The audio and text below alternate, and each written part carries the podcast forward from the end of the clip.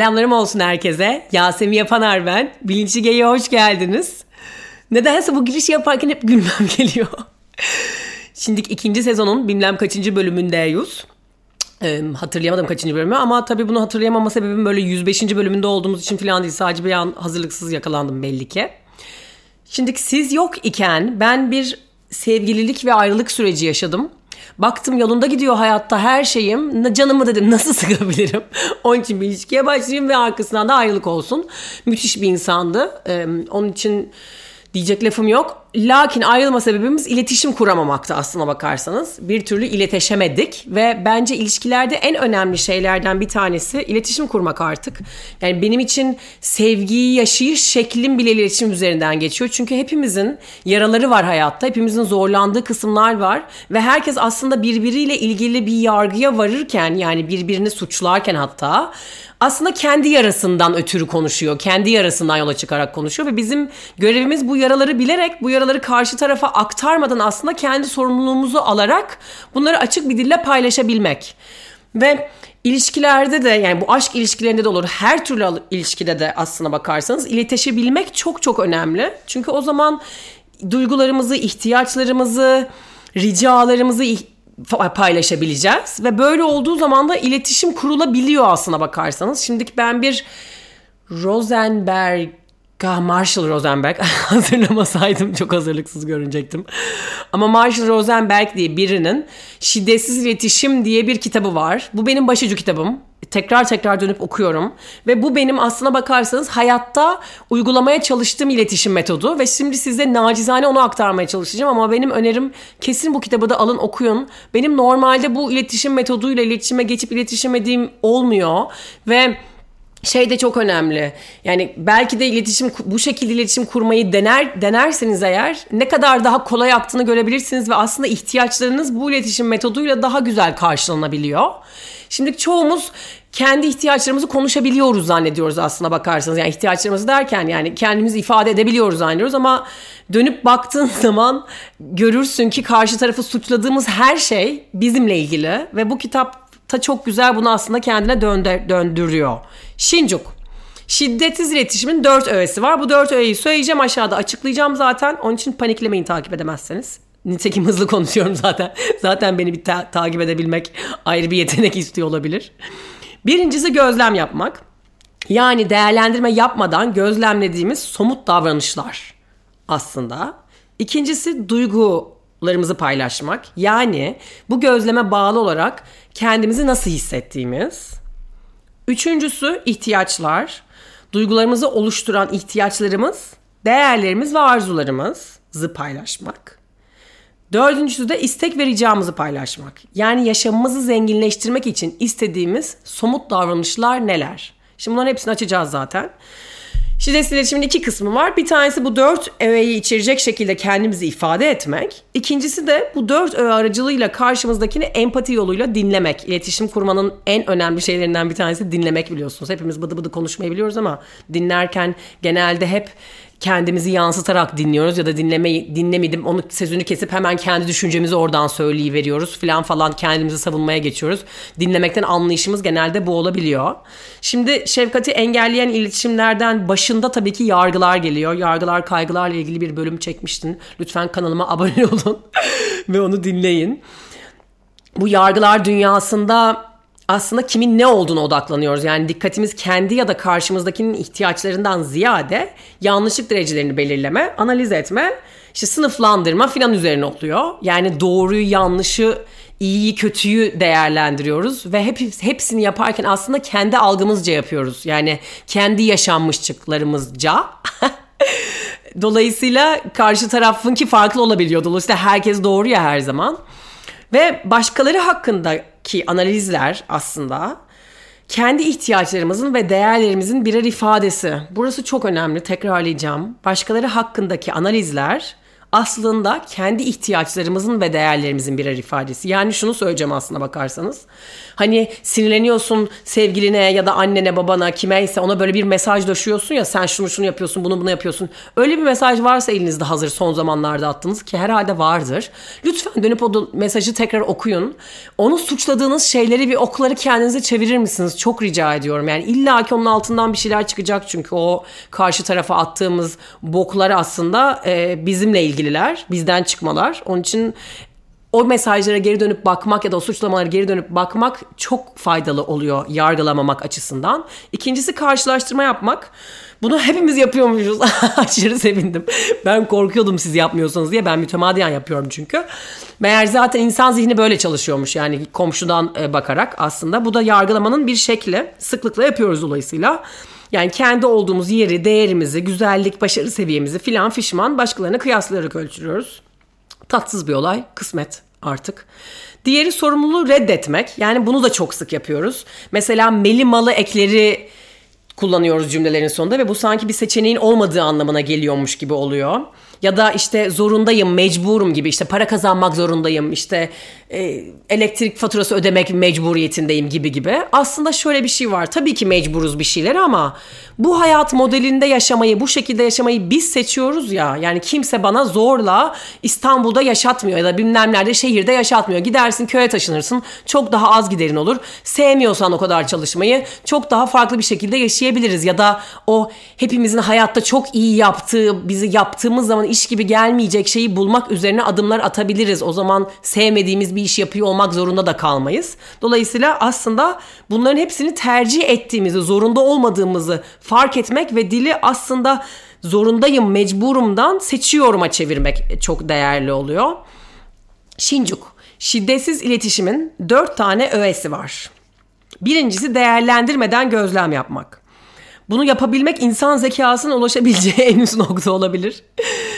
Yani bir olay olduğu zaman aslına bakarsanız onu hemen sen şunu şunu yaptın sen zaten böylesin işte doğru yanlışlık derecelerini belirlemeler falan onlara gireceğimize aslına bakarsan bir dönüp oku kendine çevirmek yani. Yani şunu demek kendine de değil aslında ee, şey bir yere çevirmek. Adı gelmedi aklıma. Ama hani iki tarafında e, şeyi olmadığı yerler vardır ya konumlar. Neyse geçiyorum burayı daha fazla uzatmayacağım. Yani eğer biz gözlemlemeyle değerlendirmeyi birleştirdiğimiz zaman insanların eleştiri duyma ihtimalleri daha yüksek oluyor. Yani sen şunu şunu yaptın bunu bunu yaptın karşıdaki biri seni suçladığı zaman ne yapıyorsun? Otomatik olarak kor- kolluyorsun kendini savunmaya geçiyorsun. Sen de onu suçluyorsun. Zaten ilk etapta kavgaya dönüşüyor olay ve oradan hiçbir yere varamıyorsun. Onun için şunu yapmak mesela işte geçen gün mesela koşu koşuda yapıyorum çok havalı oldu yürüyüş yapıyorum sahilde Yanımda da bir arkadaşım var. İşte bir erkek vardı bir tane tight'la koşuyordu mesela. İşte tight'la koşan erkekler çok çirkin diyor. Şimdi bizim toplumumuzda alışık ben de döndüm dedim ki biz alışık değiliz bizim toplumumuzda. Onun için bize öyle geliyor ama normalde Avrupa'da yaşıyor olsak her dakika görüyor olsak bizi böyle gelmeyecek diyorum. O dedi ki hayır çok çirkin dedi mesela. Şimdi halbuki düzgün olay bu bir yargı ya. Nedir bu biliyor musun? İşte o adamın görüntüsü bana hiç çekici gelmiyor diyebilir mesela aslında. Ya da işte çok fazla çalışan bir arkadaşım vardır ya da sevgilin atıyorum. Emir çok fazla çalışıyorsun yerine bu olay bu oralar günde 15 saat çalışıyorsun demek aslında bir gözlemdir. Çünkü çok çalışmak benim göreceme göre o çok çalışıyor ya yani onun için az, çok, fazla gibi gibi kullandığımız kelimeler fark etmeden aslında bizim yargılarımız oluyor. Bu bir gözlem olmuyor. Ee, karşı tarafa aslına bakarsanız suçlama gibi duyulabiliyor ister istemez. Şimdi ikincisi Duyguları fark ve ifade etmek. Şimdi nasıl olduğumuz hakkındaki his ve düşüncelerimizi birbirinden ayırmak çok önemli. Bunu çok sık karıştırıyoruz. Ben mesela mütemadiyen kendimi yetersiz hissediyorum diyorum. Halbuki yani yetersizlik bir his değil bir düşünce aslında. Orada aslında söylemem gereken şey yani ya yetersiz olduğumu düşünüyorum demem lazım ya da kendimi yetersiz hissediyorum yerine kendimi hayal kırıklığına uğrattığımı hissediyorum ya da boşa çabalıyormuş gibi hissediyorum demem lazım aslına bakarsanız. Ve şöyle de bir şey var. Biz duygularımızın çok farkında da değiliz. İyi, kötü, güzel, çirkin vesaire biliyoruz ama çok daha ne derya deniz duygular var aslında. Çok da farkında değiliz onların. Onun için birazcık ilerleyebilmek için sözcü dağarcığı oluşturmamız gerekiyor ve bu kitapta bu sözcü dağarcığı da var. Evet, sonracığıma. Üçe geçiyorum. Duygularımızın sorumluluğunu üstlenmek. Şimdi başkalarının yaptıkları duygularımızın tetikleyicileri olabilirler ama sebepleri olamazlar. Yani bu çok önemli çünkü biz karşı tarafı suçluyoruz. Senin yüzünden bilmem ne oldu işte ben böyle hissettim de bilmem ne falan falan. Hayır efendim. O insan yaptığı şeyi sana kötülüğünden, kötü niyetinden vesaireden yapmıyorsa elbette zaten kendi yaralarından, kendi doğrusu neyse ailesinden, bacısından, emmisinden ne görmüşse ona göre yapıyor zaten. Dolayısıyla seni bilerek üzmek için de yapmıyor. O yaptığı şeyi algılayış şeklini değiştirmen gerekiyor senin. Çünkü olay aslına bakarsanız orada saklı. Şimdi mesela biri sana sen bugüne kadar tanıdığım en bencil insansın derse yapabileceğimiz dört tane şey var. Bir tanesi kendimizi suçlamak. Daha hassas olmalıydım diye düşünenler vardır. Yani aman efendim ben işte hep zaten böyle yapıyorum diyenler. İki, başkalarını suçlamak. Hep senin isteklerin oluyorsa sen bencilsin diyenler. Üç, kendi duygu ve ihtiyaçlarımızı algılamak. Yani bugüne kadar tanıdığım en bencil insansın dediğini duyunca kırılıyorum. Çünkü senin için sarf ettiğim çabanın takdir edilmesine ihtiyacım var diyebilmek. Sonra diğeri başkalarının duygu ve ihtiyaçlarını sezmek. Yani mesela örnek olarak da önerilerinin daha çok dikkate alınmasını istediğin için mi kırıldın? bunu bunu yapabilen varsa Allah aşkına arkadaş edebilir miyiz? Bu herhalde terapist seviyesi mi bilmiyorum. Bana şahsen Rida böyle yapıyor. Ben bir şey söylediğim zaman kendimi ifade edememişsem o benim sözcüklerimle beni bana anlatmaya çalışıyor garibim. Bunu yapabiliyorsanız alkış valla. Kapatın zaten bu podcast'te. Çünkü ben mikrofonu bırakıyorum ve gelin siz oturun köşeme lütfen. Ve helali hoş olsun. Şimdi söyleyeceğim şu şey de önemli. Biz çoğumuz ihtiyaçlarımız doğrultusunda konuşmayı öğrenmedik. Yani ihtiyaçlarımız karşılanmayınca otomatik olarak diğerlerin hata ve kusurlarına odaklanıyoruz. Bir daha söylüyorum. Çoğumuz ihtiyaçlarımız doğrultusunda konuşmayı öğrenmedik. İhtiyaçlarımız karşılanmayınca otomatik olarak diğerlerinin hata ve kusurlarına odaklanıyoruz. Bence çok e, güzel bir cümle. Mesela mesela şöyle bir şey var. İş arkadaşın İşini mesela ben hatta e, iş arkadaşım başkasıymış gibi konuşmayacağım. Ben eskiden yönetici iken ekibimdeki insanlardan mesela işini zamanında vermeyen, eksik yapan falan falan o zaman sorumsuz derdim mesela. Şimdi bu bir yargı. Bana göre sorumsuz aslında bakarsanız. Benim tercih ettiğim biçimde yapmadığı için ona sorumsuz diyorum ve onu yargılıyorum aslında bakarsanız. Aslında bu benim bakış açım ya ona herhangi bir yargıda bulunmadan evvel ihtiyacımı dile getirebilirim. Bunun için de şu çok mantıklı oluyor. Yani şunu diyebilirim. Sen işini zamanında teslim etmediğinde ben zorlanıyorum çünkü daha fazla desteğe ihtiyacım var gibi mesela. Bunu da yapmanın en güzel metodu şu. Duygunuzla ihtiyacınızı birbirinize bağlamak. Bu çok önemli. Bık bık bık bık hissediyorum çünkü ben bık bık bık bık gibi. Dördüncüsü şu. Hayatını zenginleştirecek olanı istemek. Şimdi diğer ne güzel yukarıdaki gibi işte gözlem yaptık. Duygumdan bahsettim. ihtiyacımı söyledim. Şimdi dördüncüsü de şu aslına bakarsanız. Bunu yapabilirsek eğer çünkü karşımızdaki insan aman anlasın beni var ne var ben ona kendime anlattım filan falan diyebiliyor ama özellikle kadın ve erkeklerin zihni bambaşka çalışıyor. Zaten bu sebeple bu kadar ayrı çalıştığımız için de zaten birbirimizi tamamlamaya, tamamlamaktan kastım birbirimizi anlamaya geliyoruz aslında bu hayata. Onun için de bu kadar farklıyız. Dolayısıyla ve erkek zihni şöyle işleyebiliyor. Biz kadınlar bıdı bıdı bıdı bıdı bir şeyler konuşabiliyoruz bazen. Ama duygularımızdan vesaireden bahsetmeden, farkına bile varmadan Erkek eğer seninle birlikte bir şeyi çalıştırmak, bir şeyi yani iyi yapmak istiyorsa, senin istediğini yapmak istiyorsa ona nasıl nasıl çözebilir? O öyle bakıyor. Onun zihni öyle çalışıyor. Yani hani ben tamam buna bunu anladım ama ne yapabilirim seni mutlu etmek için? Dolayısıyla bunu bir de üstelik ihtiyacımızın elde etme şansımız da yükseliyor karşımızdaki insana ne istediğimizi söylediğimiz zaman. Şimdi burada şöyle bir şey önemli talep yerine gerçekten ricada bulunmamız lazım. Ee, bunun da talep, mi, talep mi etmişim yoksa bu bir rica mıymış anlamak da birazcık zorlu olabiliyor. Onun için de şuradan anlıyorum ben. Birinden bir şey rica ettiğim zaman eğer gerçekleştirmezse onu ha demek ki diyorum bu bir talepmiş. Sinirlen pardon gerçekleştirmediğinde ben sinirlenirsem diyorum ki demek ki bu bir talepmiş diyorum yani hani ya da bozulursam üzülürsem filan. Ama eğer ricada bulundum o yapmıyor o zaman zaten yapmayabilir ya yani zaten bir ricaydı o gibi bir yerden anlayabiliyorum aslına bakarsanız. Bunun içinde net, olumlu ve so- somut eylem dilinde konuşmam gerekiyor ricamı söyleyeceğim zaman. Çünkü diğer türlü sadece duygularımızı filan dile getirdiğimiz zaman karşımızdaki ne yapmasını istediğimizi açıkça anlamayabilir. Ve biz de şuna da alışız bir yandan kendi istediklerimizi söylemeden önce ne istemediğimizi söylüyoruz. Şunu şunu yapmanı istemiyorum, oraya gitmeni istemiyorum, beni işte yalnız bırakmanı istemiyorum falan diyoruz. Ya bırak onu. Ne istiyorsun onu söyle aslına bakarsanız. Mesela buna güzel örnek de şu olabilir.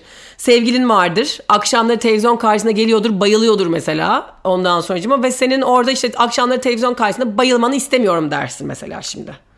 Yani adam o zaman alır o zaman oradaki vaktini alır sosyal medya bakarak öldürür. Senin ihtiyacın karşılanmamış olur aslına bakarsanız. Çünkü oradaki ihtiyacın senin seninle ilgilenmek, belki bir şey yapmak filan falan neye kırılıyorsun onu paylaşsan aslında hakikaten ihti- ihtiyaçların gerçekleşmesi çok daha olası. Şiddetsiz iletişimin iki yönü var. Bir tanesi dört öğeyi açık yüreklilikle dile getirmek zaten. İkincisi de empatiyle anlamak. Şimdiki bir de öfke ve kırgınlığı ifade etmek var. Yani çok kızdığında ettiğinde filan falan hemen oturuyoruz şimdi sizinle şiddetsiz iletişim yapıyoruz sevgilim bilmemle ya da anneciğim babacığım arkadaşım demek çok ütopik ya. Yani zaten kızdığın zaman ettiğin zaman özellikle erkeğin çekip uzaklaşma ihtiyacı oluyor. Kadın biraz daha hemen konuşma derdinde oluyor. Orada birazcık erkeğe alanını vermek çok değerli. E, bunu da tabii ki konuşarak yani 2 saat, 3 saat, 3 hafta. 3 hafta çok oldu. Onun adına ayrılık diyoruz. Başka bir podcast'te konuşuruz onu.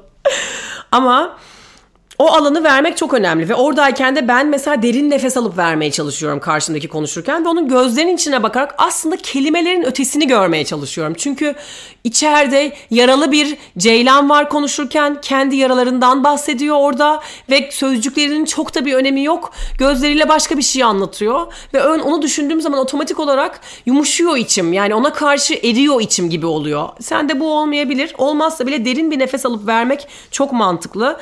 Ondan sonracıma karşımızdaki insanı ona öfkemizle ilgili olan tüm sorumluluklardan azat etmek. Yani o benim o kadar kızmamın sebebi aslında benim yaralarım ya. Onun söylediklerinden öte benim onu algılayış şeklim olduğu için onun için onu biz onu azat edip oradan bir kendime dönmek.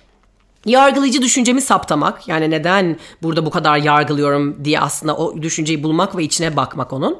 Ve farkındalığımı kendi duygu ve ihtiyaçlarıma getirmek aslına bakarsanız. Olayı ben ne istiyorum'a çevirmek. Ve sonra da duygularımı e, karşılanmamış ihtiyaçlarımı bir şekilde ifade etmek aslında. Şimdi ikincisi de dedik empatiyle anlamak. Yani zihni boşaltarak bütün varlığımızla karşımızdakini dinlemek. Tavsiye vermeden önce ister misin diye sormak belki sadece duyulmaya ihtiyacı var. Genelde empati yerine öğüt verme, teselli etme, ya da kendimiz üzeri duygu durumumuz üzerinden sözünü kesip e, hemen kendimize anlatmak gibi eylemlerde olabiliyoruz. Bunu yapmamak tabii ki. Ve ne yapmamız gerekiyor? Karşımızdakinin anlattıklarından gözlem, duygu, gözlem, duygu, ihtiyaç ve ricalarına kulak vermemiz. Dikkatimizi çözümler üretmeye veya önerilerde bulunmaya yöneltmeden önce kendisini bütünüyle ifade etmesine izin vermek aslına bakarsan. Bir, bir susabilmek, bir durabilmek, bir dinleyebilmek. Ve de eğer iyi anladığımıza emin olmak işinize gelirse ki benim geliyor. Anlattıklarımızı kendi sözlerimizle tekrarlamak. Yani aslına bakarsanız.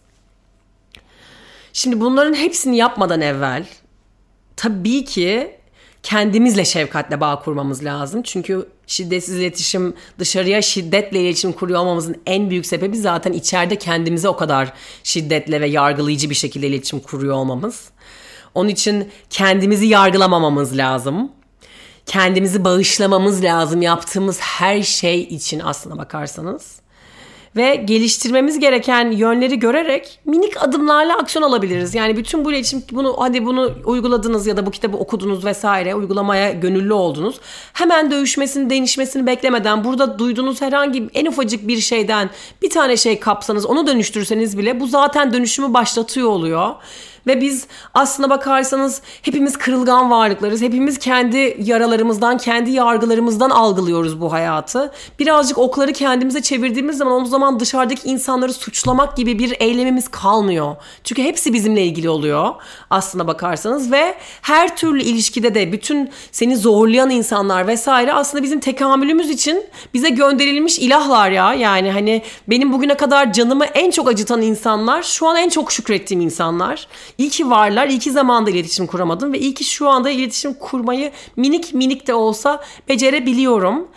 Sizlere veda etmeden evvel ya dönün o mesajınıza bakın en son kimi yargıladınız, ettiniz, neyine kızdınız filan diye ve onu bu dört öğeyi alt alta yazarak bir kağıda yazarak hani nasıl bunun bu şekilde iletişim kurabilirdini bir kendiniz görün. O kişiyle paylaşmanız paylaşmamanız çok da önemli değil ama bir kendiniz görün. Bakalım içinize sinecek mi? Sinerse bence uygulamaya denemeye değer diyorum. Ve sizleri öpücüklere boğuyorum. Gelecek bölümlerde kavuşmak dileğiyle.